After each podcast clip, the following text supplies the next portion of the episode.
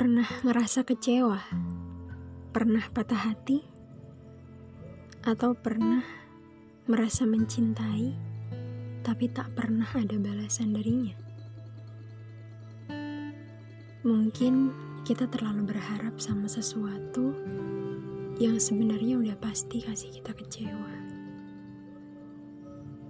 Mungkin ini cara Allah menegur kita cara Allah nasehatin kita bahwa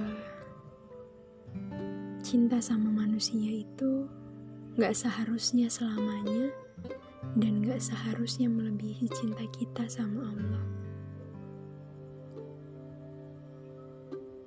Kita cuma punya dua pilihan untuk setiap rasa yang singgah di hati kita.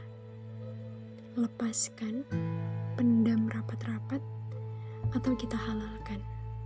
Dan sebagai perempuan, aku punya pilihan untuk melepaskan ketika dia tidak memberi kepastian.